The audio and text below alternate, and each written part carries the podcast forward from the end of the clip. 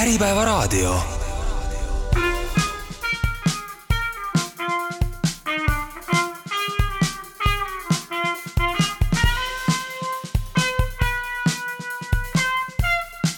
Soraineni sagedus, mitu arvamust, üks eesmärk.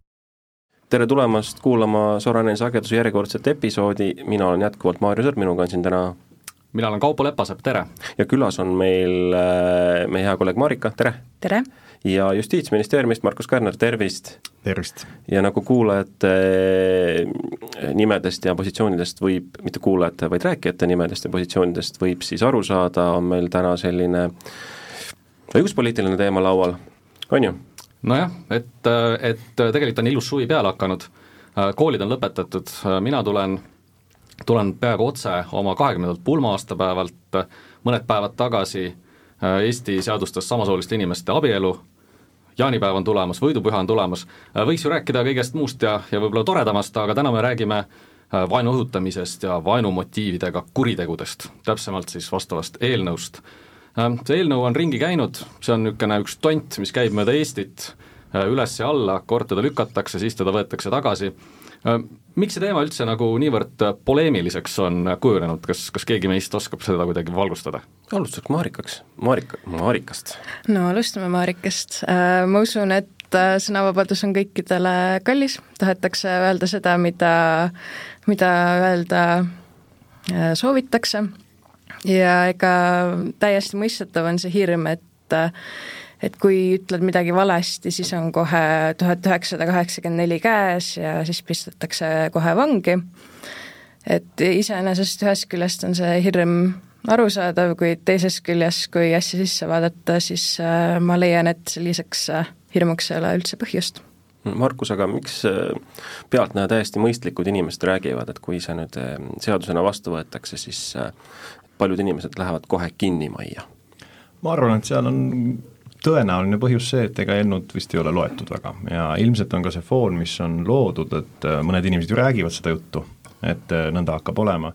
ja ma arvan, et sealt see nagu tuleb, et kui sa tegelikult mõistlikult vaatad, mis on siin kirjas, äh, mida sellega taotletakse, siis noh, seda ohtu olla ei tohiks. Ja mõnevõrra on isegi veider, et mõned nagu isegi kuidagi ironiseerivalt võtsid seda, kui äh, justiitsminister ja, ja tegelikult ka mina erinevates intervjuudes ütlesime, et jah, meil lähiajaloost ei tulegi eriti selliseid näiteid äh, sellistest vaenuõhutustest, mis selle koosseisu alla läheksid, minu arust vastupidi, see näitabki seda, et tegemist ongi kitsa koosseisuga, mis on tõesti mõeldud hõlmama seda, mida meie põhiseadus nõuab, et ta hõlmaks. no läheks siis asja juurde, räägiks nagu noh, kuulajatele võib-olla ei pruugi olla täpselt teada, et mis see koosseis on ja millest me siis tegelikult täpselt räägime, et võib-olla siis Markus, sa räägid lühidalt, et eh, noh, mis siis juhtuma hakkab? millistesse ahelate, ahelatesse te panete vaba sõna? jah. ja kõigepealt ma tegelikult alustuseks, et see on see sam-, see on ju juurpõhjus, et ma tegelikult Marikaga sada protsenti nõus, et noh, et loomulikult sõna tuleb kaitsta, sõnavabadus on üks olulisemaid põhiõiguseid, seda me võime korrutada söögi alla, söögi peale, see on ka õige, sellepärast et ilma sõnavabaduseta ei saa väga mitut teist põhiõigust üldse kasutada, ega realiseeritud, kui ei ole debatti teemadel, isegi debatti sellist, mis võib kedagi solvata, siis see on demokraatiale ohtlik, kõigega nõus. aga minu arust nagu paljudes sellistes debattides, üldse argumenteerimisel või väitlemisel on nagu mõistlik tegelikult algul natuke kaardistada ära need äärmused ja jõuda kokku keskele ja tegelikult näha, et minu arvates me tegelikult ei vaidlegi väga paljus, me, ma arvan, me oleme väga mitmes asjas tegelikult nõus noh, kui me võtame kas või noh, mis on üldise vabaduse, vabaduspõhiõiguse, selle, meil on ju põhiseaduse preambulas lausa vabaduse põhimõte, millel meie riik põhineb. ometigi teatud meie vabadused on piiratud, noh sellest me saame aru, nüüd müstiline sõnavabadus, kohati isegi müütiline, et tegelikult seal tuleb ka silmas pidada, et ka põhiseadus ise näeb ette väga selged alused sõnavabaduse riivamiseks või siis selle õiguse piiramiseks. Ja veelgi enam, et põhiseadus nõuab vaenu õhutamise eest karistamist et, et ma nüüd ei taha selle labasusega nagu või sellise labase väljendiga kedagi, kedagi solvata või kuidagi või halvasti öelda, aga et noh, põhiseadus ei ole nagu McDonaldsi menüü, et noh, et ma võtan siit juustuburgeriga, friikad jätan võtmata. et aga mõned nagu loevad nii, et ma loen siit ühe sõna, et näe, sõna on vaba, ma võin teha, mida ma tahan. sõnavabadus on väga tähtis, aga samas me pole seni seadnud ju kahtluse alla seda, et kui keegi teeb näiteks lennujaamale pommiähvarduse, et see ei peaks olema karistatav, kõigest sõnad. sõnadega on võimalik ka mõrv tellida ju, noh väga kena, ainult sõnad. siis me tegelikult päris mitmes asjas saame kenasti aru, miks on vaja sõnavabadust piirata, sest ta võib kaasa tuua mingi kahjuliku tagajärje. ma ei ole kedagi kuulnud, kes tegelikult päriselt, kui ta noh, ei mängi noh, kui ta nagu ei, võib-olla ei esine või niimoodi, kes tegelikult arvaks, et sõnavabadus on absoluutne, sest ei ole ühtegi inimest, kes tõesti väidaks, et ütleme, suuliselt palgamõrva tellimine peaks olema legaalne ja noh, nüüd siis me jõuame tegelikult lähedale siia, et järelikult ikkagi mingites olukordades, mingitel raskematel juhtudel tuleb sõnavabadust ka piirata, sellepärast et selle sõna kasutamisega võidakse hakata rikkuma teiste inimeste õigusi. ja, ja ma arvan, et see vaidluse koht ju tegelikult ongi ainult seal, et kuhu täpselt see piir tõmmatakse ja nüüd mis on nagu veelgi paradoksaalsem asi, on see, et see on üks asi, mida ma arvan, ma äh, ka Tartu Ülikoolis karistusõigust õpetades, kas see on esimese või teise loengu küsimus, et küsin alati äh, õpilastelt, et mis on ainus asi, mille karistamist põhiseadus sõnaselgelt nõuab ainus asi, mida ta nõuab tegelikult, on äh, rass, rahvusliku, rassilise, usulise või poliitilise vihkamise, vägivalla, diskrimineerimise õhutamine Äh, see on ainus asi põhiseaduse paragrahv kaksteist lõige kaks, ühegi muu asja karistatavust põhiseadus otsesõnu ei nõua. et tegelikult ka see aspekt siia arvesse võtta. Ähm, nüüd loomulikult ähm, riigil on kohustus meie põhiõigusi kaitsta, mis tähendab ka seda, et kaitsta seda vajadusel karistusõiguse abil, see tähendab ka, et meie olulisemad õigushüved ongi karistusõigusliku kaitse all. nüüd see koosseis, millest me räägime, mis praegu on kehtivas õiguses, kehtivas õiguses siis nii-öelda põhiseaduslik nõue on täidetud läbi selle, et meil on karistusseadustikus üks paragrahv, mis tõesti loetleb teatud tunnuste alusel isikutele vastu siis avalik üleskutse siis nende vihkamisele või vägivallale nende vastu või diskrimineerimisele, aga see on ainult siis, kui sellega on siis põhjustatud oht nende elule, tervisele või varale. ehk siis konkreetne oht, et no viiakse kokku, et minu sõnast tekkis konkreetne oht ja siis on see väärtegu. ja ta on karistatav sama palju, kui näiteks ütleme, inimene, kes sõidab seal mingi katkise sõidumeerikuga, noh see tegelikult on karistusõiguse mõnitamine, et noh, sellist koosseisu poleks üldse vaja siis sellisel juhul, et see ja, ja no mida nüüd siis äh,, arvestades seda õigushüve kui kaalukas õigushüve, mida nüüd valitsus välja pakub, on siis põhimõtteliselt karistatavaks saaks tulevikus siis avalik üleskutse vihkamisele, vägivallale, diskrimineerimisele kas isiku isikute rühma vastu, seoses siis mõne tema tunnusega, mis on seaduses loetletud, need on üldjuhul sellised tunnused, mis, mille, millega ta ennast identifitseerib või mida ta ei saa ka muuta, näiteks rahvus, rass, nahavärv, aga seda ainult siis, kui see üleskutse on tehtud sellisel viisil, mis annab aluse karta, et sellele üleskutsele järgneb siis mingisugune vägivallategu või siis ühiskonna turvalisus satub oluliselt ohtu ja selline tegu saab siis olema karistatav kuni üheaastase vangistusega. Ehk siis äh, kas ma saan sellest jutust õigesti aru, et kui varasemalt oli meil selline põhiseadusest tulenev väärteokoosseis sisuliselt või põhiseaduse pinnalt tuletatud, et nüüd me siis äh, teatud raskemate juhtumite tarbeks äh, sinu loetletud koosseisu tunnuste põhjal äh, kriminaliseerime selle? jaa, ta oli enne ka kuritegu muidugi raskematel juhtudel, aga üksnes siis, kui päriselt oli juba näiteks surm tekitatud, on ju. et noh, ja siis oli, oli kuni kolmeaastane vangistus, et kutsusid üles näiteks suurt rahvamassi, tapeti näiteks ära, ütleme, kakskümmend inimest selle tulemusena, siis oli kuni kolmeaastane vangistus, et varguse eest on umbes sama noh, ette nähtud. et noh, see tegelikult, et kui keegi nagu tahab väita, noh et aga põhiseaduse järgi me võime ükskõik kuidas selle teo karistada, et noh, et me täidame põhiseaduse nõuded, siis noh, ta ei saa ju päris nii olla, sest noh, kujutagem ette, et kui põhiseadus nõuab, et see on karistatav, kas siis võiks ka nii kirjutada, et noh, et ütleme tõesti, vaenu õhutamine on karistatav üksnes siis, kui sa teed seda siis ma ei tea, kuuvarjutuse ajal ähm,, hoiad ähm, samal ajal käest pasunat ja tantsid nahkpükstes, on ju, ei noh, et see koosseis ei saa minna absurdseks, absurdselt kitsaks, ta peab ikkagi kaitsma neid äh, olulisi õigushüvesid kasutaks seda korraks seda saatejuhi prerogatiivi ja küsiks, et kuidas see Euroopa Liidu õigus, Marika, oskad sa öelda, siia võrrandisse mahub, et ma olen päris palju rääkinud põhiseaduslikust taustast ja, ja kõigest kriminaalpoliitilistest suundumustest, aga aga mul on mingi, mingi raamotsus on mulle meelde jäänud sellest tantsust. Jah, absoluutselt, Euroopa Liidus on selline tore raamotsus, puudutab siis teatud rassismi ja ksenofoobia vormide ja ilmingute vastu võitlemist kriminaalõiguse vahenditega. Ja see näebki ette esiteks äh, vaenukõne kriminaliseerimise just nimelt äh, sellise mitte ainult väärteona, näeb ette minimaalsed karistused, näeb ette, kuidas, mille alusel siis karistada, mis on need tunnused, Äh, mis peab sellele äh, üleskutsele või siis äh, vaenu õhutamisele järgnema, kas siis üks variant on see, et inimene tunneb ennast lihtsalt äh, solvatuna, häirituna, ähvardatuna, teine on see, et tekib äh, reaalne oht siis äh, avalikule julgeolekule. ja selle raamotsuse ülevõtmise aeg oli tegelikult juba pea kolmteist aastat tagasi ja Eesti seda jätkuvalt teinud ei ole. Kaupo, kuidas sa seda kõike kommenteerid siin? Ei no ma tahtsingi tegelikult nagu mul ikka küsimus, et, et jah, siin debatis on see, et, et mida me siis nüüd nagu tegelikult teeme, et kas me nüüd täidame kuskilt Brüsselist tulnud järjekordset direktiivi, kuidas mõõta banaani kõverusi või on meil siin tegelikult endal ka tunne, et me ajame õiget asja? no siin on hea tegelikult vastata, vaadates ajalukku. et tegelikult jah, kõik, mis Marika ütles, sada protsenti õige, ähm, välja arvatud selle reservatsiooniga, et kuna meil rikkumismenetlus on pooleli ja ma siin esindan ka mingis, mingil määral valitsust, siis öelda, et me seda üle võtnud pole, et see on veel vaidluse küsimus, aga tõepoolest võib öelda, et meie viis selle ülevõtmiseks äh, riimub võib-olla vähem raamotsuse tekstiga kui mm, mõnel teisel riigil, aga tegelikult, mis ma ajaloost tahtsin rääkida, et äh, üheksakümmend kaks, kui põhiseadus rahvahääletusel vastu võeti, pärast seda siis esimene meie enda kriminaalkoodeks siis sätestas vaenu õhutamise kuriteo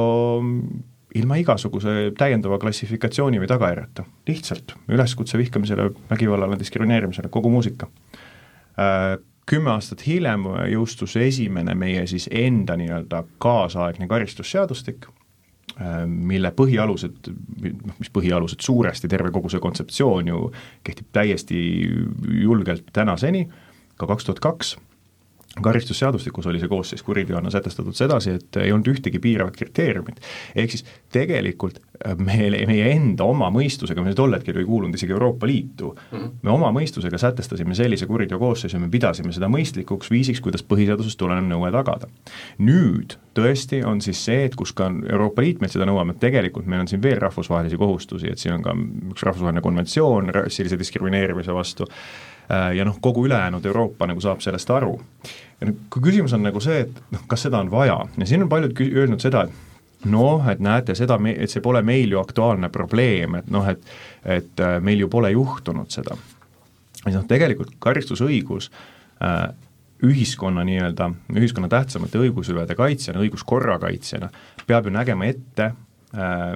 ka nende tegu, neid tegusid äh,, ennustama nii-öelda, mida ei ole veel toime pandud, noh, selle loogikaga võiks ju ka jõuda nagu selleni, et noh, aga meil ju pole siin terrorikuritegusid olnud, et kas meil sellist koosseisu on vaja. pigem mida tuleb mõelda, on see, et kas mingi kujuteldav viis õigushüve kahjustamiseks on karistusväärne.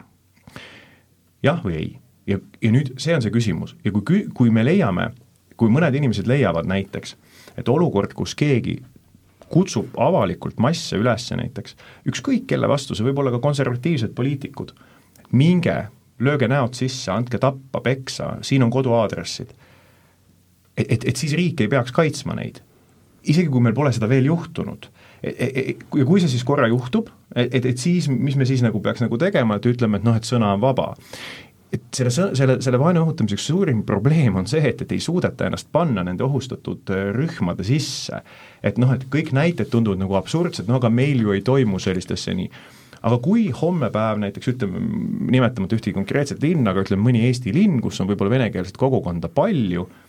seal hakkaks toimuma süsteemi üleskutsumine, et kui sa eestlast näed, peksa, et see on meie siin, ma ei tea, ajalooline maa, siis ma arvan, et on väga vähe neid inimesi,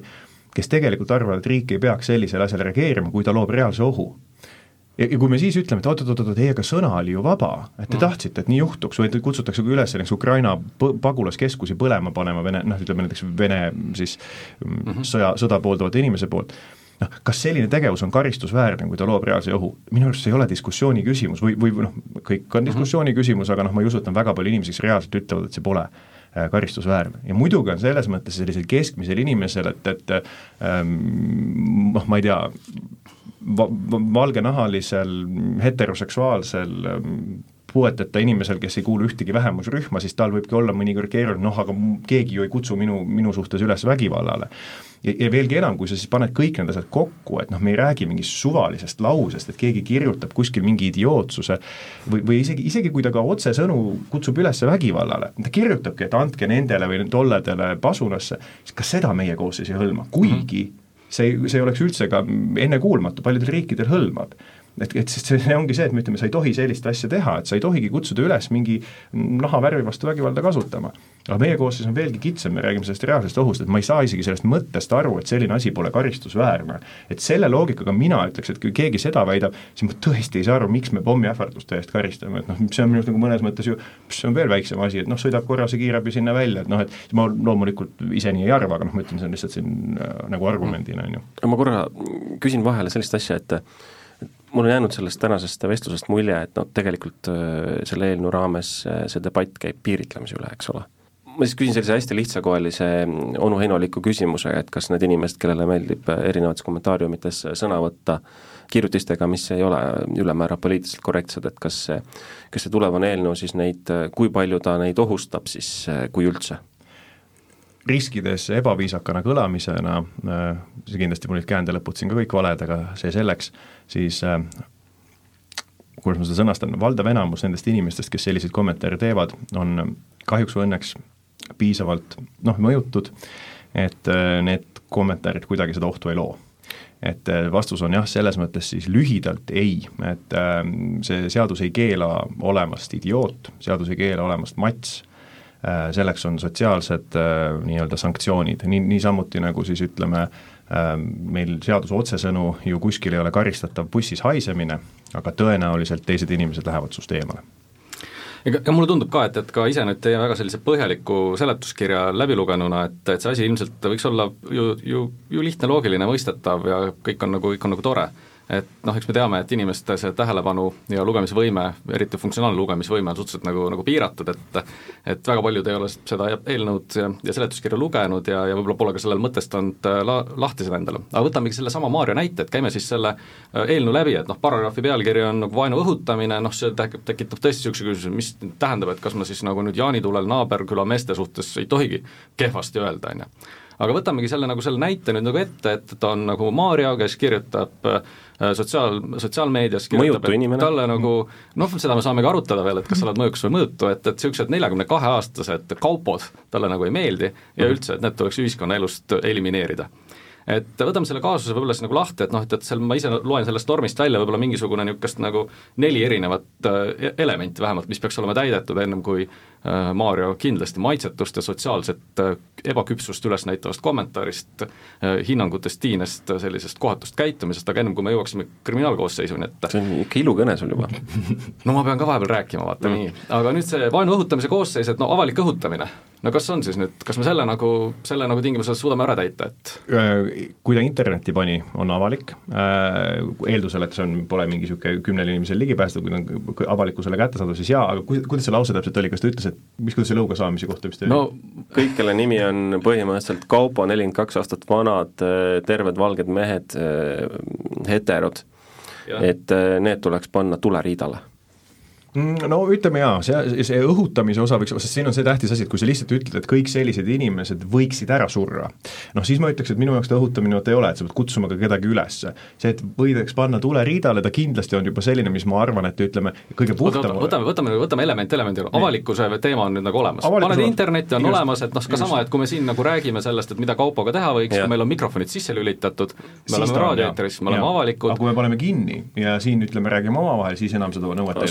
Facebooki grupis suletud Facebooki grupis, kus on siis piiratud, mõistlikult piiratud isikute ring, siis see ei ole avalik. et no, kui see isikute ring on väga suur. vaata, siin on üks niisugune huvitav asi, et Riigikohus on tegelikult seda interneti avaliku kohana käsitlenud selles kontekstis, ka selle sada viiskümmend üks primm koosseisu, mis on see sümbolite koosseis selles kontekstis, aga üks niisugune e, õigusteoreetiline vaidluskoht on tõesti see, et kui ta on küll piiratud iseenesest liikmeskond,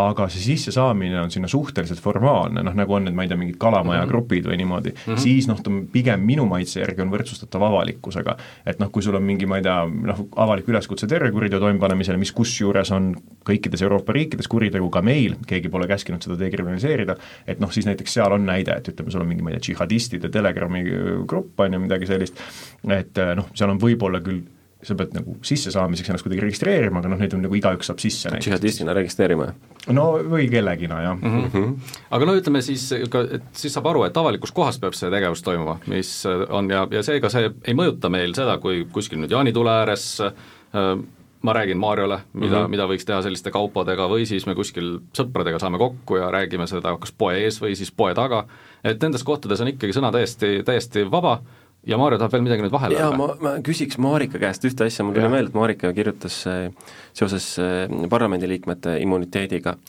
-hmm. võtame sellesama näite, et, et noh, sealt äh, Riigikogus siis on mõni saadik, kes ütleb sellesama asja maha, et Riigikogu suures saalis istungil noh, päevakorrapunktina näiteks või, või mingi kommentaarina, et noh, et nüüd Kaupo, Kaupo neljakümne kahe aastaselt tuleks panna kõik tuleriidale. kas siis tema see parlamentaarne immuniteet kaitseb teda selle koosseisu eest ka või? Üldjuhul jah, parlamendiliikmetel on antud selline vahva privileeg põhiseadusega nagu indemniteet, mis tähendab, et äh, neil, kui see sõnavõtt on nüüd tehtud näiteks äh, Riigikogu kõnepuldist istungi ajal, on olemas äh, eelnõu, noh, ma ei tea, nimeseadus, tahetakse ära keelustada nimi Kaupo ja siis öeldakse kõik need olemasolevad äh, Kaupod. kaupod, kes on juhtumisi täpselt neljakümne kahe aastased ja vastavad nendele teistele tunnustele, et, et nemad võiks kõrvaldada, siis on see Riigikogu tööga seotud ja teoreetiliselt äh, ega Riigikogu liiget äh, tema tööga seotud erinevate sõnavõttude eest äh, karistada ei saagi, kõige parem, mida teha saab, on see, et äh, ei hääleta või kirjutan kurja artikli, aga aga siis meil on siis võrdsed ja võrdsemad, jah? Markus, kuidas sa siis nüüd seda kommenteerid, kas see nüüd on üllatus, üllatus, Maarja. ei no ma jäin mõtlema, et no ma ei, ma ei tea, et kuidagi noh, kõlab kummaliselt. Eh, No põhimõte on ju õige, meil ei ole tegelikult ähm, ju neid ma olen, ma olen selles Marika igati nõus, et tõepoolest see põhiõigus äh, neid, neid selles kontekstis kaitseb, me oleme ka ju põhiseaduses selles ise kokku leppinud. mida tuleb aga möönda, on see, et meie kohtupraktikas ei ole neid piire päris nüüd äh, kombatud, et äh, noh, siin kindlasti on teatud küsimusi, esiteks, mis ka Marek ise välja tõi, et noh, et kas ta seondub tema saadiku tööga, et noh, kui öelda, et tema avaldused Riigikogu, et noh, et me ju kujutaks näiteks ette, et kui nüüd mingi rahvasaadik äh, läheb pulti ja siis ütleb, lugupeetud saadikud, kuigi praegu räägime siin näiteks saastetasudest, siis ma soovin siit puldist hakata teile näitama lapspornopilte.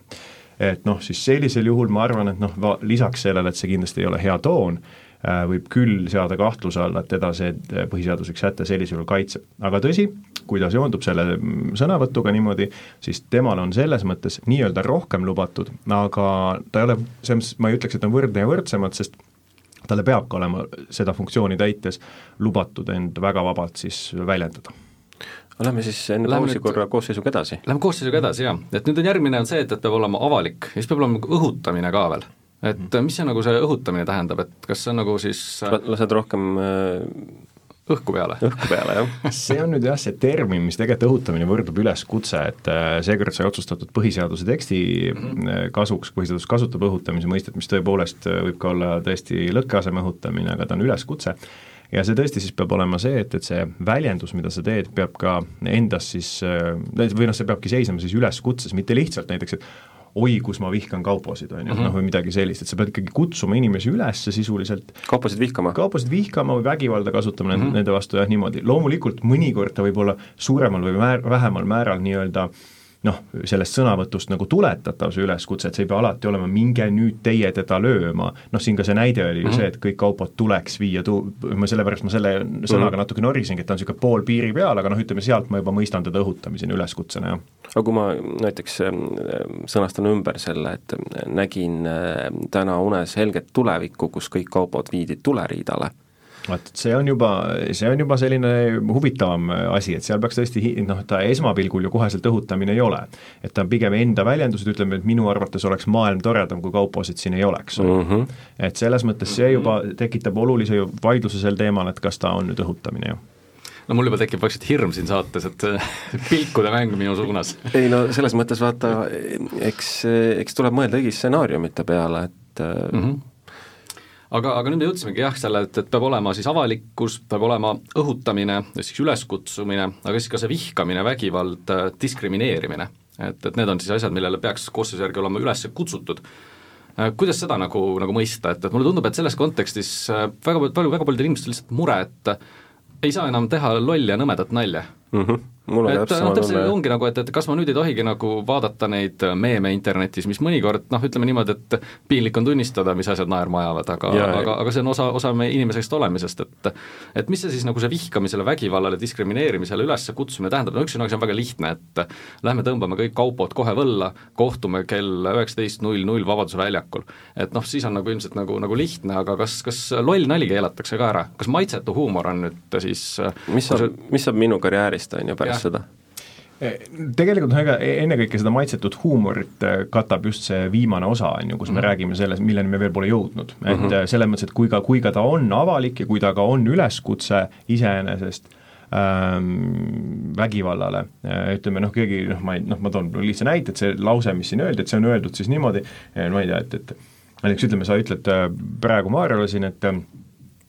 teed mingi kriitilise kommentaari ja siis ta ütleb, ah, pagan, need kaupad tuleks küll maha kõik lüüa, on ju. et noh, et, et siis see on niisugune nagu naljatades öeldud, kusjuures ma toon siia välja ühe näite, et jällegi huvitav, miks keegi pole käskinud siis seda dekriminaliseerida, kui sõna nii vaba on. et äh, meil on aegade algusest peale, no mitte kõikide aegade algusest, et ma seal Hammurabi ajal päris ise ei olnud veel, aga et äh, ähvardamine karistatav mm. -hmm. ja seal on ka lisakriteerium, et juhul, kui see on siis noh, sisuliselt noh, ma ütlen inimkeeli selle lisakriteeriumi, et sisuliselt kui inimesel oli päriselt põhjust karta, et siis mm -hmm. temaga midagi juhtub. ja seal, ja meil ei ole ju meeletult nagu mingi arusaamatus, kui täna, kui sa lähed bussi äh, ja sa ei paku istet vanale tädile või onule ja ta ütleb sulle, oi sa marakratt, sind tuleb, ma löön su maha, on ju põhimõtteliselt noh, ta on ju ähvardav, ma löön su maha tapmisega, noh see pole tõsiseltvõetav, aga nüüd, kui see on siis tätoveeritud, suur kael on jämedam kui keskmise mehe reis, on ju, paneb sulle relva otsa ette või ütleme, okei okay,, tulirelv on nagu, paneb noa otsa ette, ütleb nüüd saad surma, on ju, noh siis võib-olla on, et äkki seal me peame vajalikuks mm -hmm., noh ta on selgelt ähvardamine. seal nagu sõna ei ole vaba, on ju et, et noh, et selles mõttes selle nalja eest kaitseb meid äh, põhimõtteliselt äh, see lõpposa sellest koosseisust, mis ongi, et ta peab alu, andma aluse siis karta, et päriselt võib järgneda mingi vägivallategu või äh, ühiskonna turvalisus võib sattuda ohtu. tänases saates te tegelikult, head kuulajad, näetegi, et mis asi juura tegelikult on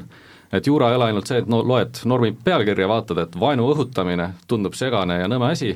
sõna on pandud kammitsasse, vaid tuleb hakata nüüd edasi vaatama, mida me praegu siin teeme siin, et see on vist siis äh, grammatiline tõlgendamine, me võtame teksti ette, lööme ta lahti juppideks ja siis hakkame süstemaatilist teleoloogiliselt tõlgendama ja vaatame nende mõistete äh, taga ja sissu ja see ongi tegelikult see äh, juura, juuratöö, ennem kui me hakkame kedagi süüdi mõistma, peabki nagu vaatama nende elementide olemasolu mm. -hmm. aga tõesti, me oleme nüüd äh, siis jõudnud seda, et peab olema mingisugune isikute rühm, kelle suhtes see üleskutse on tehtud, et, et kui nagu konkreetselt kaupo juurde tullakse, talle nuga otsa ette pannakse, siis selle jaoks on on karistusseadustikus, ma saan aru, mingi teine paragrahv, on ähvardamine või kui tehakse ka juba nagu füüsiliselt liiga, siis läheb mingi järgmise paragrahvi, aga nüüd see grupi määratlemine, grupitunnuste määratlemine, äh, siin on üks igavene pikk äh, loetelu, aga see lõpuks lõpeb ikkagi või muu äh, sellise alusega, et, et, kuidas, kuidas te nende kategooriateni jõudsite, mis siin loetletud on, põhiseaduses on see loetelu tegelikult ju kitsam, võiks mõni teie kriitika öelda jah, need kategooriad tegelikult selles eelnõus, neid kategooriaid ju põhimõtteliselt ei muudetud, välja arvatud üks erisus, et sinna pandi siis puue juurde, et see oli ka siis selline kokkulepe, mis siis nii-öelda -hmm. koalitsioonipartnerite vahel äh, saavutati, aga siin on tõesti see, et see üleskutse, et ta ei ole lihtsalt nagu mis tahes noh, ütleme, keegi ütleb, mulle ei meeldi muusik X, on ju, kutsub tema vastu üles, sest ähm, ta ei kaitse selles mõttes päris otse nagu ja ainult üksikisikut. et ta on isikute selline võrdväärsus, et sellepärast ongi need rühmatunnused siia loo-, loo-, loetletud ja need on siis rahvus, rass, nahavärv, sugu, puue, keel, päritolu, usutunnistus, seksuaalne sättumus, poliitilised veendumused või varaline või sotsiaalne seisund ja siis see peab olemagi noh, ütleme siin on jah keeruline öelda, noh et kas nüüd kaupo on nagu mingisugune sotsiaalne seisund, et noh, ma kardan, et ta seal juba kukuks meil nagu ära et noh, et äh, no advokaadi, advokaadibüroode juhtivpartnerid äh, no, no, no nimetame, nimetame rikkad inimesed. nimetame ja, ja, ja, ja nimetame, nimetame advokaadid näiteks. ja, ja, ja see on veel, see on eriti hea. nojah, sotsiaalne seisund on ju, et ei no samamoodi mul tekkiski küsimus, et noh, väga populaarne on öelda seda, et, et riigiametnikud on meil nagu rumalad ja, ja mm. kipuvad olema üle makstud, et kas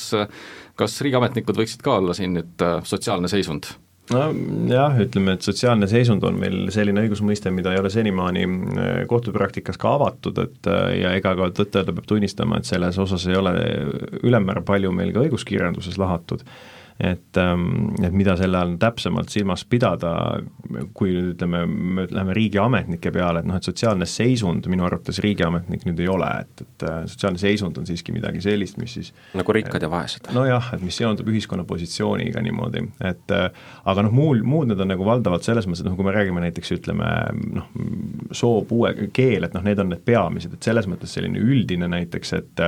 noh, ongi, et mingi, kui kutsud lihtsalt mingisuguste inimeste vastu, näiteks ütleme äh, FC, okei okay,, ma ei ütlegi jalgpalliklubi välja ühtegi, aga mingisuguse jalgpalliklubi toetajate vastu, et siis ta sinna alla nagu ei lähe. küll aga poliitilised veendumused, et noh, tegelikult see, see ju, mida ka korduvalt öeldud, et see koosseis kaitseb ju tegelikult noh, tihti on konservatiivsemad poliitikud selle koosseisu vastu olnud, aga see kaitseb just ka loomulikult neid, et noh, mina, ma nagu tõesti ei kujuta ette, et ka need kõige raevukamad selle koosseisu vastased poliitikud, et ne-, ne-, nende õigusi peaks siis riik kaitsma, muidugi peaks ja ma arvan, et peaks ka ise sellest aru saama, et kui üks hetk ongi, et noh, võtame et need erakonnad, kelle toetusprotsent on äh, ka võib-olla selline, et neljandik inimesi neid toetab, võib-olla on väga polariseerivad, et jälle väga palju ei toeta ja kui nüüd see suur osa, kes ei toeta, näiteks hakkaks ähm, tõesti täiesti tõsiseltvõetavalt nimeliselt neid poliitikuid nende vastu kutsuma üles vägivallale või nende toetajate vastu, minge nüüd nende, ma ei tea, suvepäevadele ja kõik, kes neid erakondi toetavad, et andke pasunas, see aadress on seal, loomulikult riik peaks selle eest kaitsma neid ka. see on tõsiseltvõetav oht, võib sellega, juhul kui kaasneb tõsiseltvõetav oht, et siis äh, neid peaks selle eest kaitsma, aga need rühmad siis peavad jah olema, et me ei räägi siis lihtsalt mingist ühest isikust, keda kuidagi sõimatakse või nii mm. -hmm. no eks see meie diskussioon siin ka näitabki seda, et mis sageli ühiskondlike diskussioonide, debattidega nagu nässu läheb, et tegelikult võetakse mingid üsna selged mõisted ja siis üritatakse neid niimoodi laiendada ja tegelikult absurdina jääda, et, et noh, tõesti, et meenutuseks, et kui me räägime nendest ühiskonnagruppidest, mis siin Karsi paragrahvis sees on, on, need on rahvus, noh, suhteliselt lihtsalt mõistetav, on ju, rass, nahavärv, sugu, puue, keel, päritolu, usutunnistus, seksuaalne sättumus, poliitiline veendumus, need on ju tegelikult on nagu väga lihtsad ja loogilised asjad ja siis alati tuleb kuskilt nurgast keegi välja, kes küsib, et ahaa, päritolu, mina olen Haapsalust, kas siis Haapsalu inimesed on grupp, kas riigiametnikud on grupp, kas advokaadid võiks olla grupp, ja sellega keeratakse kogu see debatt tegelikult noh, kas heatahtlikult ja mõnikord ka, mõnikord ka pahatahtlikult täiesti uppi ja, ja pea peale, et loetelu on nendest gruppidest siin seaduses või noh, eelnõus kenasti olemas, arusaadav ja, ja selle üle võib kuskil, sõna on vaba, nalja võib teha, aga seda ei peaks võib-olla siis nagu debati keskele võtma. ma vahepeal jõudsin tõdemuseni, et advokaadid on ilmselt puue selles nimistus seal. aga, aga Marika, kas, kas sa näiteks ise leiad, et, et see loetelu, mis seal praegu on nendest isikute gruppidest, et kas see on liiga lai, liiga kitsas, kedagi võiks sinna lisada? Mina arvan, et praegu nii, nagu see on, on see täiesti adekvaatselt määratletud. Üks asi, mis mind ongi varasemalt äh, seda praegu kehtivat vaenu õhutamise paragrahvi vaadates äh, silma torganud, oligi see, et äh, puue oli puudu, et see on kindlasti väga, väga teretulnud lisand. aga mina leian, et praegu on see võrdlemisi ammendav ma selle puudega ma tahaks ka korra, et võib-olla inimesed, no ma toon ise ka muidugi nagu näite, mille, mille, mida ma mõnikord nagu kritiseerin, kui tuuakse äärmuslikke näiteid, aga, aga ütleme, aja, ajaloost me nagu selles mõttes ju teame, et äh, selliseid asju on olnud, ütleme siin et aga, aga noh, kujut-, ma lihtsalt ei kujuta ette, et inimesed arvavad, et tõsimeeli arvavad, et sõnavabadus kaitseb näiteks seda,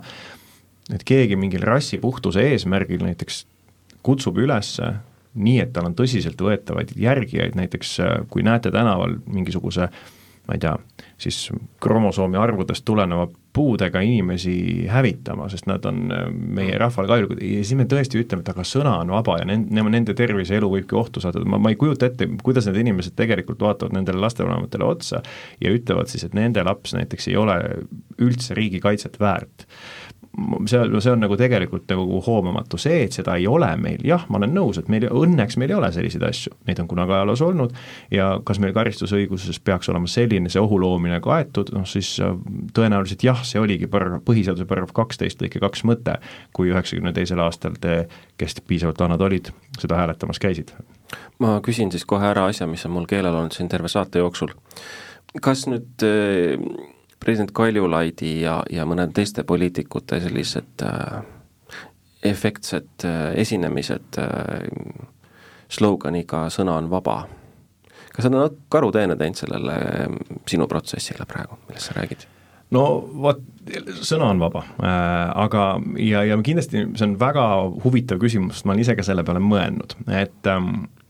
sõna on vaba, aga meil on ka vaba eneseteostuse õigus, on ju, ja seal noh, me, me saame aru, et sõna on vaba mingite piirideni, ta on kohati on tõesti viinud selle absoluut, absoluutse käsitluseni. ma arvan, et see, propageerida sõnavabadust ja selles kontekstis, nagu president seda tegi, mis oli hoopis teine, et tema ei, ei kutsunud inimesi üles vaenu õhutamine, see on tegelikult väga mõistlik ja hea, sest sõnavabadust tulebki selle tähtsust pidevalt rõhutada ja tuleb, ja sellepärast ma tegelikult olen ka äärmiselt tänulik äh, nendele, kes tõsimeeli seda diskussiooni peavad, mitte nendele trollijatele, kes lihtsalt noh, jauravad ja, ja ei loe seda koosseisu läbi ja lihtsalt nagu kotivad, et noh, need on, neid on alati. et see on ju see, et, et igal pommiväljakutsel tuleb mingi vend, kes on demineerija, iga riigieelarve kokkupanemisel on kõik finantsanalüütikud, on ju, ja Covidi kriisi ajal olid kõik need hobikirurgid. aga, aga need, kes päriselt, sest tegelikult loomulikult äh, ongi vaja mõlemat arvamust ka teiselt poolt, et, et vaadata, et see koosseis, see ohukoht nendel koosseisudel, nagu ka teistes riikides kohati võib olla, ongi see, et on võimalik neid koosseise tõesti sõnastada ka liiga laialt. kui sa tõesti sõnastad selle koosseisu selliselt, et igasugune teise inimese solvamine, siis või tõesti on see, et keegi ütleb jaanitule äärel, et Kaupo, sa oled loll näiteks, on ju, siis oleks see kuritegu. tõenäoline, tõenäoline, tõenäoline, et see juhtub. just, ja, ja, ja selliste asjadest tulebki kaitsta, sellepärast ma olen jube tänulik nendele, kes päriselt rõhutavad seda, et sõna on vaba ja tõsimeeli kaitsevad seda. aga noh, ma toon ju näite jälle sellest, et ma siin ei taha kuidagi kuhugi midagi liigitada ega, ega öelda, et midagi on halba, aga ma lihtsalt toon ühe näite, et noh, et ka poliitik ehm, Varro Vooglaid on ehm, väljendanud väga kriitilist arvamust eelnõu kohta, et sõnavabadust tuleb kaitsta. ometigi äh, mulle teadaolevalt tema näiteks nägi, et sõnavabaduse piir on seal, kus, see oli vist mingi ERR-i saade, kus öeldi, et ta mõtleb päevas mingil homoseksile, ma ei tea, mitu korda rohkem kui keskmine homoseksuaalne inimene.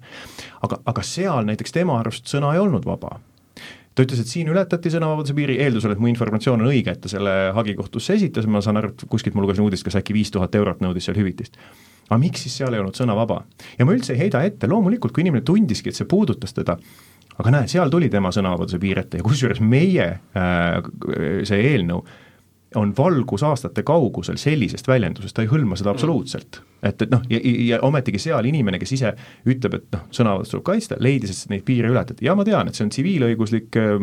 nii-öelda vahend ja me räägime siin karistusõigusest, mis peabki olema nii-öelda äärmuslikum meede, aga noh, jällegi illustreerimaks seda asja, et äh, vastuseks küsimusele, et väga hea, et rõhutatakse, et sõna on vaba, aga väga hea, kui teadvustatakse ka seda, et sõnal, sõnavabadusel on piirid ja et, et siis oleks diskussioon hea, et arutatakse ja leitakse koht, et kus see piir siis tegelikult just täpselt, on. täpselt ja see on tõesti väga hea, et on ka neid nii-öelda valvekoerasid, kes, kes valvavad selle üle, et see koosseis liiga laiaks ei lähe. mul on veel üks äh, mõte siia. kas see tants sõnavabaduse ja vaenukõne ümber ei ole natukene kantud ka sellisest äh, ameerikalikust arusaamast, äh, mis on sõnavabadusest, mul on jäänud mulje, et Ühendriikides sõnavabadus võib-olla olemuselt siis juba laiem kui euroopalikus õigusruumis jaa, ta võib olla, kuigi ka sealt on ju pärit see, kui ma ei eksi, sealt see väljend, et, et sõna on küll vaba, aga sa ei tohi, on ju, seal Puupisti teatris karjuda, et mm -hmm. põleb, on ju. ja tegelikult ka, ega ka Kapitooliumi see nii-öelda mässu teema on ju seal, me räägime ka õhutamise küsimusest ja minu, kuigi ma ei ole Ameerika õiguse spetsialist, siis minu teadaolevalt see praktika sõnavabaduse sisustamisel on seal siiski see, et selle nii-öelda sõnavabaduse alla ei lähe ikkagi õhutused kuritegudele mis, mida ka põhimõtteliselt sisuliselt hõlmab äh, meie koosseis, aga nende käsitlus võib olla kohati laiem kui Euroopas, eks see on paratamatult, on kultuuriruumid erinevad, et noh, teisalt noh, nendel on ka näiteks surmanuhtlus ja võimalik inimesi mõista kolmesaja neljakümne seitsmeks aastaks vangi, et noh, me oleme erinevates asjades nagu noh, erinevad. Marika, oled sina Ameerika õiguse spetsialist äkki? pean, pean tõdema, et, et ei ole jah, mul on, mul on lihtsalt jäänud, jäänud kuskilt mulje, et Ameerikas sa võid äh, sõnavabaduse varjul rassist olla rahulikult, et et noh, ilmselt ka, ilmselt ka Eestis tõenäoliselt. eks äh, ma arvan, et ka Ameerikas on see äh, kohati poliitiline küsimus, et äh, kui vaadata mingisuguseid konservatiivsemaid äh, Ameerika sotsiaalmeediakanaleid, äh, influencer eid, siis ka nemad võivad öelda, et tead, et minu sõna on vaba, ma võin äh, absoluutselt äh, kasutada sellist väljendit sellise inimgrupi vastu, aga näiteks äh, mõni päev tagasi Elon Musk keelas Twitteris sellise sõna kasutamine nagu cisgender, mis siis tähendab seda, et inimene identifitseerib ennast selle soona, kellena ta sündinud on. nii et eks, eks on näha, et et kui asi kedagi otseselt puudutab, siis see tekib noh, muutub reaalsemaks nende jaoks. oota, aga sa, Maarja, ütlesid huvitava mõtte, et sulle on jäänud mulje, et Ameerikas võid sa olla sõnavabaduse kaitse all ka äh, rassist. et parandage mind, aga ega Eestis ka ei ole ju keelatud rassist ei ole, olla et, et ju tegelikult ka, ka et, et nüüd keegi, kes võib-olla kardab kuulajate seast, et, et karistusseadustiku paragrahv sada viiskümmend üks, vaenu õhutamine paragrahv, et sellega võetakse temast küljest ära midagi nagu igiomast, et ta on nagu hinges tema parim iseloomuomadus. parim iseloomuomadus on olla rassist või, või et talle ei meeldi teatud rahvusgrupp või, või või ka mingisugune religioonne grupp, et selle vastu seadus ei, ei ole. see on selles mõttes inimesel, inimesel see, see, see, see mõte ja tundevabadus kindlasti, kindlasti jääb, noh tõsi on probleem selles, et, et kuna ta peab edasi funktsioneerima siiski ühiskonnaliikmena. et niipea, kui ta nüüd hakkab äh, kas avalikult äh, oma veendumuste põhiselt siis üles kutsuma ja, ja nüüd neid samu koosseisu tunnuseid täitma siin, et kutsub, kutsub üles avalikult vihkamisele, vägivallale või diskrimineerimisele ja hakkab nagu siis oma seda nagu veendumust nagu tegelikult muutma tegudeks, mis teise isikute grupi kuidagi isikute gruppi kuidagi ohtu seab, et, et siis tekib nagu probleem. aga noh, enamus meist ju tegelikult, enamus meist on ju nii laisad, et me mõtleme oma mõtteid ja ja võib-olla räägime nende käest sõpradega, aga ega me nende tegudeni tegelikult kunagi ka, kunagi ka ei jõua, ka tegelikult üllas, üllates eesmärkides. tead, et sa suletud ringis oma üleskutsed siis nagu jagad, ma saan ja. aru. oli seda koosseisu veel seal jäänud või? Kuule, vaata, väga hea, et sa meelde tuletasid, et äh, jah, et, et meil need sotsiaalsed tunnused, äh, sellest rääkisime ära, aga et nüüd peab see üleskutse või õhutamine peab olema ka siis mingil viisil, mis annab aluse karta õhutusele järgnevat vägivallategu või ühiskonna turvalisuse olulist ohtu äh, sattumist. no seal on päris palju selliseid avamata, semiavamata õigusmõisteid, mulle tundub no, Olu-, olulisel määral ja, ja, ja kindlasti muud. me saame kõik, siin on iga ja. sõna, mida on võimalik jälle venitada absurdini, aga, aga kuidas siis eelnõu autorid seda äh, Äh, seda, seda silmas pidasid, nende mõistete tähendust. jah, et kaks asja, mis siis peab olema, et see on viis, ehk siis me ei pea tuvastama reaalset tagajärge, ehk siis nagu praegusel koosseisul on see, et, et sa peaksid reaalselt selle õhutaja, ütleme, kui meil ongi, see on minu näide, et ütleme, mingis vene keel, venekeelse vene keelt kõnelevate inimestega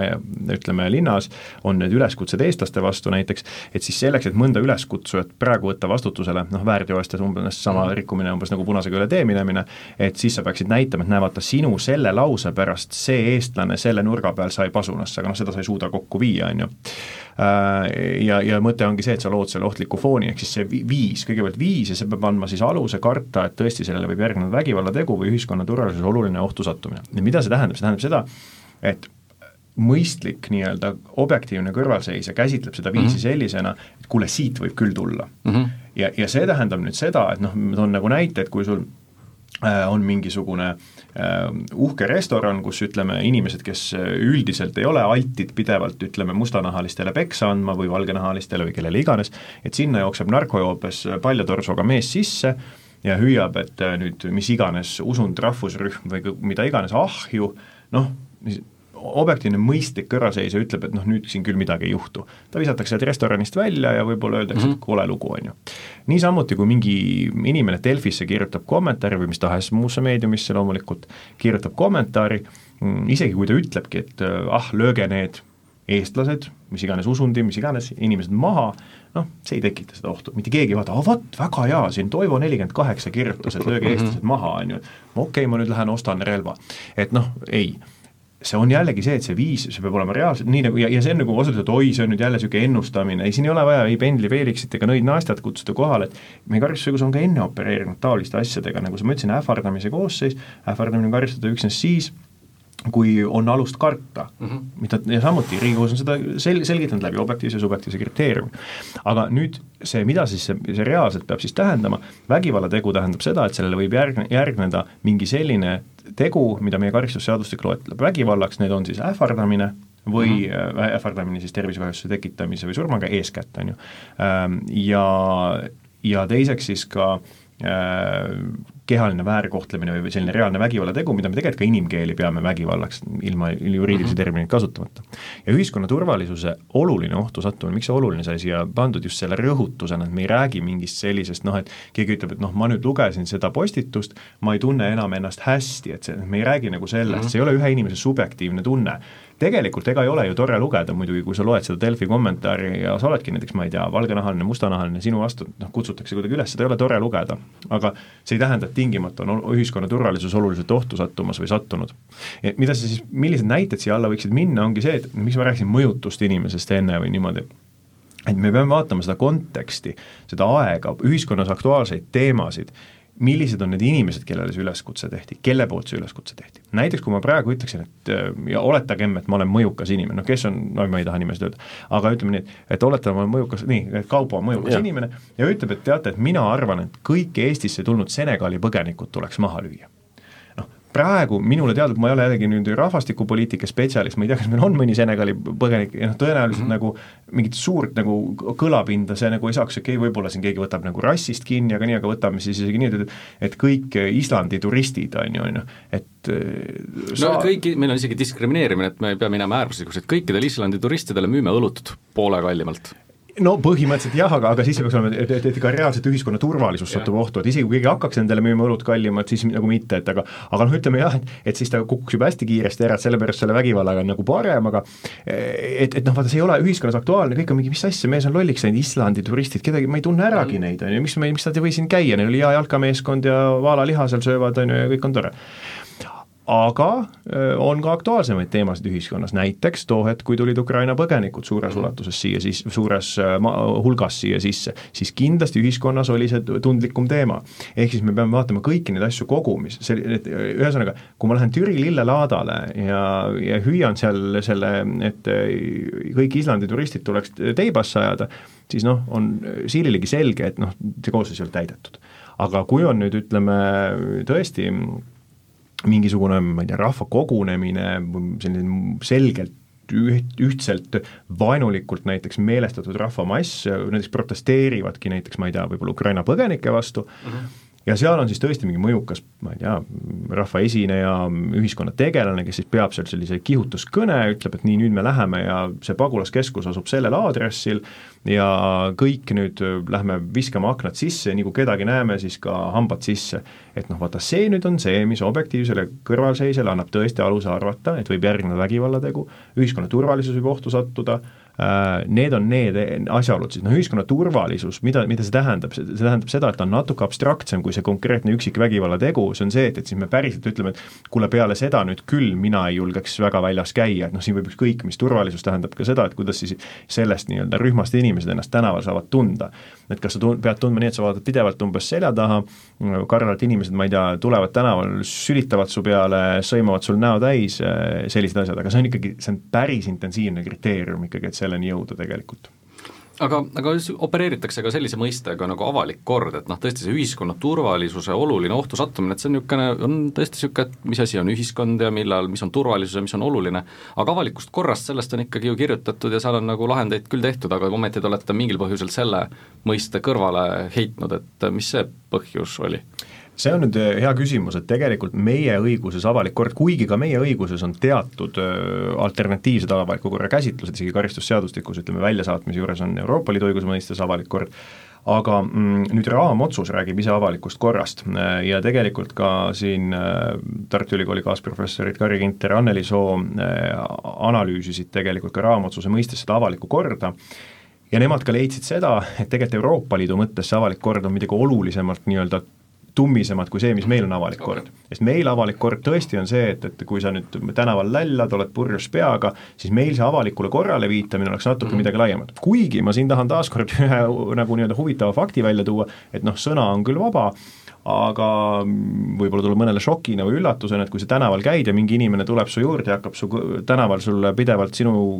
sinuga ühte sammu käima ja karjuma sulle rõvedaid roppusi, siis ta paneb ka toime avaliku korra rikkumise, mis on väärtegu ja minu arust see on elementaarne, et tegelikult politsei koristab ta ära, kuigi sõna on vaba mm. -hmm. aga meie ei kasutanud seda avalikku korda just seetõttu, et avalik kord on natuke liiga lai, muidugi alternatiivselt oleks võinud viidata avalikule korrale Euroopa Liidu õiguse mõttes, aga me siis sisustasime selle nagu sisuliselt ära, et kuna siin oli natuke ka kriitikat, et võib-olla tekib siis nagu segadust, et me kasutame avalikku korda ühe korra ühtemoodi, teine kord teistmoodi. okei okay,, see mõiste on siis ühesõnaga veel karmim kui see vana hea avalik kord, et, et ta on nagu, te oletegi selle ja natukene võib-olla uue ja innovaatilise mõistega tegelikult selle lati nii-öelda kõrgemaks ajanud, et, et üldse karistamiseni võiks minna. kas meil on koosseisust midagi jäänud eh, siia lõppu ka, et meil hakkab see saade vaikselt eh, oma auväärse otsani jõudma ja karistus on? karistus, jaa, kauaks Kuni... kinni majja läheb siis? noh, üks kuulus laul on äh, kaheks-kolmeks aastaks, aga see nii hull meil siin see asi ei ole, Euroopa Liidu raamotsus nõuab tegelikult, et oleks kuni äh, üheaastase vangistusega see karistatav. Ka siin valitsuse algatatud eelnõus on tegelikult valitud esimeses lõikes, ehk siis selles tavakoosseisus, kõige madalam võimalik sanktsioonimäär ja see on rahaline karistus või kuni üheaastane vangistus. see on see maksimum. Ja nüüd on see teine lõige, mis siis sätestab äh, raskemad juhud, ehk siis kui seda on tehtud korduvalt või grupi poolt siis on rahaline karistus või kuni kolmeaastane vangistus, ehk siis ongi põhimõtteliselt kuni kolmeks aastaks, nagu ma siin alguses laulule viidates ütlesin, aga üldjuhul on siis rahaline karistus või kuni üheaastane vangistus ja noh, loomulikult eh, kohalduvad kõik meie sanktsiooniõiguse üldpõhimõtted, karistusseadustiku üldosa regulatsioon, kus me loomulikult vaatame süü suurust ja nii edasi, et, et aga sanktsiooniraam on siin tõesti valitud äh, ikkagi päris madal, ma ütleks. Jah, aga võib-olla me tõmbame siis sellega vaikselt ka joone alla, et äkki on aeg viimasteks äh, äh, mõteteks, Marika? jah äh,, mille osas mina ja Käri oleme ka meedias äh, sõna võtnud ja mis ma arvan, teeb selle meie äh, vaenukõne regulatsiooni palju paindlikumaks või meie ühiskonnale sobivamaks, on see, et äh, raamotsus annab meile tegelikult valiku, kas lähtuda avalikust korrast, mida me siin enne juba analüüsisime, või karistada ka tegusid, mis on ähvardavad, kuritahtlikud või solvavad. ja on päris mitu Euroopa riiki, mis on läinud just selle teise alternatiivi äh, teed ja see riik on ka näiteks Soome, nii et kui praegu väga paljud äh, vaenukõne kriminaliseerimise vastased toovad äh, üles näiteks Päivi Räsaneni kaasuse, kes äh, on Soome siis äh, parlamendi liige,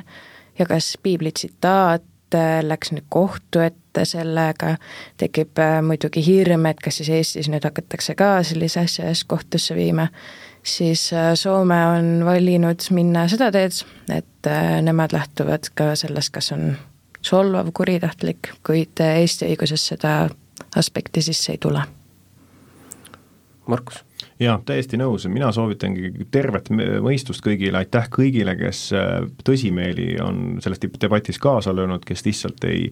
ei äh, noh, ei, ei labasta seda debatti, päriselt mõtlevad kaasa ja tõesti seisavad sõnavabaduse, aga samas teiselt poolt ka meie kõigi põhiõiguste eest, sest meie põhiseaduse järgi riigil on ka kohustus meie kõigi õigusi kaitsta, kaitsta meid nende raskemate vormide äh, raskemate vaenu õhutamise vormide eest. Piibli tsiteerimisega samuti, ma ütlen, et ükski usu, usuinimene ei pea kartma, et piibli tsiteerimine kuidagi selle koos, ühtegi konkreetset väljendit ei muudeta keelatavaks, piibli tsiteerimine pole keelatav, ei ole keelatud olla solvav, labane, mida iganes, et ja piib-, et selles mõttes see Päivi Räsani näide oli jah hea et näide, et meie koosseis seda ei hõlmaks, need elemendid, mis me siin mm -hmm. ükshaaval läbi käisime, ta kukuks meil siin juba, noh tegelikult oleks meil kukkunud juba selle õhutamise juures ära mm, -hmm. et äh, ainult avalikkus oli see. kuna siin piiblit juba mainiti, siis mina omalt poolt lõpetaks piibelliku tsitaadiga Mattuse evangeeliumist, et äh, küsija sulle antakse. ja mina lõpetan tsitaadiga, et äh, sõna on vaba ja sõna jääb ka jätkuvalt vabaks, kui see eelnõu sellisel kujul vastu võetakse, et sõnu on palju ja, ja need sõnad ei pea